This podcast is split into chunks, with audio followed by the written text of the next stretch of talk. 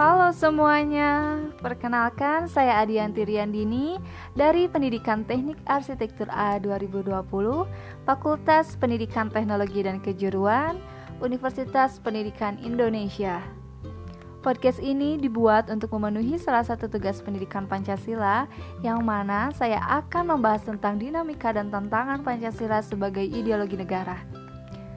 Nah, kita mulai dengan ideologi itu apa sih? Pasti masih bingung kan apa itu ideologi? Ideologi berasal dari kata idea yang artinya gagasan, konsep, pengertian dasar, serta cita-cita, dan logos yang berarti ilmu. Secara etimologis, ideologi artinya ilmu tentang ide-ide atau ajaran tentang pengertian dasar. Nah, Pancasila sebagai ideologi negara Indonesia ini merupakan visi atau arah dari penyelenggaraan kehidupan berbangsa dan bernegara di Indonesia agar terwujudnya kehidupan yang menjunjung tinggi nilai ketuhanan, nilai kemanusiaan, kesadaran akan kesatuan, berkerakyatan, serta menjunjung tinggi nilai keadilan. Tapi perjalanan penerapan nilai-nilai Pancasila mengalami dinamika serta tantangan yang menjadi tugas kita untuk menjaga keutuhan nilai-nilai Pancasila tersebut. Dinamika Pancasila sebagai ideologi negara dalam sejarah Indonesia dalam pelaksanaannya mengalami pasang surut karena pada masa pemerintahan Soekarno, Pancasila ini dicampur dengan ideologi komunisme dalam konsep Nasakom. Lalu pada pemerintahan Soeharto, Pancasila menjadi asas tunggal bagi semua organisasi politik dan organisasi masyarakat. Pada masa reformasi ditandai dengan enggannya para penyelenggara negara dalam mewacanakan Pancasila bahkan berujung pada hilangnya Pancasila dari kurikulum nasional.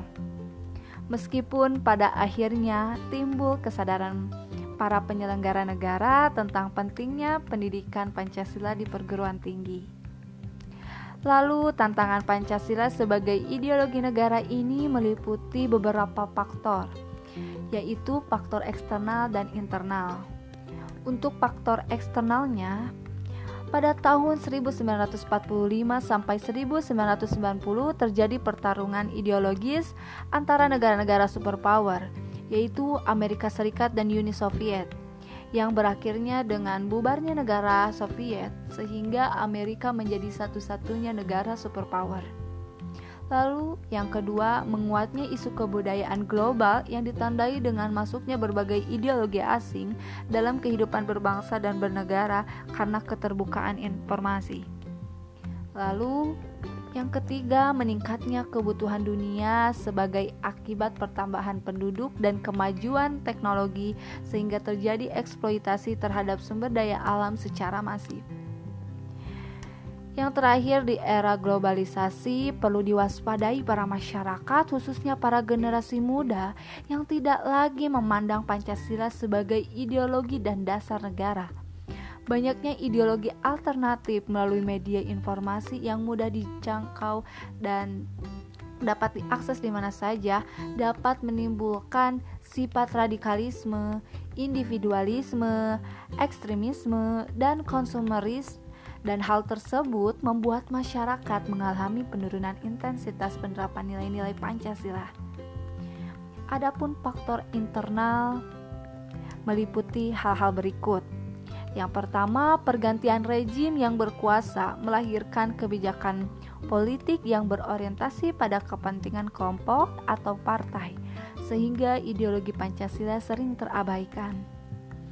Lalu yang terakhir, penyalahgunaan kekuasaan mengakibatkan rendahnya kepercayaan masyarakat terhadap rejim sehingga kepercayaan terhadap ideologi menurun drastis. Nah, maka dapat diambil kesimpulan bahwa seiring berjalannya waktu Pancasila pasti mengalami pasang surut. Maka dari itu kita harus bisa berpegang teguh serta menjaga Pancasila agar Pancasila tetap bereksistensi dengan ideologi-ideologi lainnya dengan menerapkan serta menjunjung tinggi nilai-nilai Pancasila dalam kehidupan sehari-hari. Saya Adianti Riandini, pamit undur diri. Sekian, terima kasih.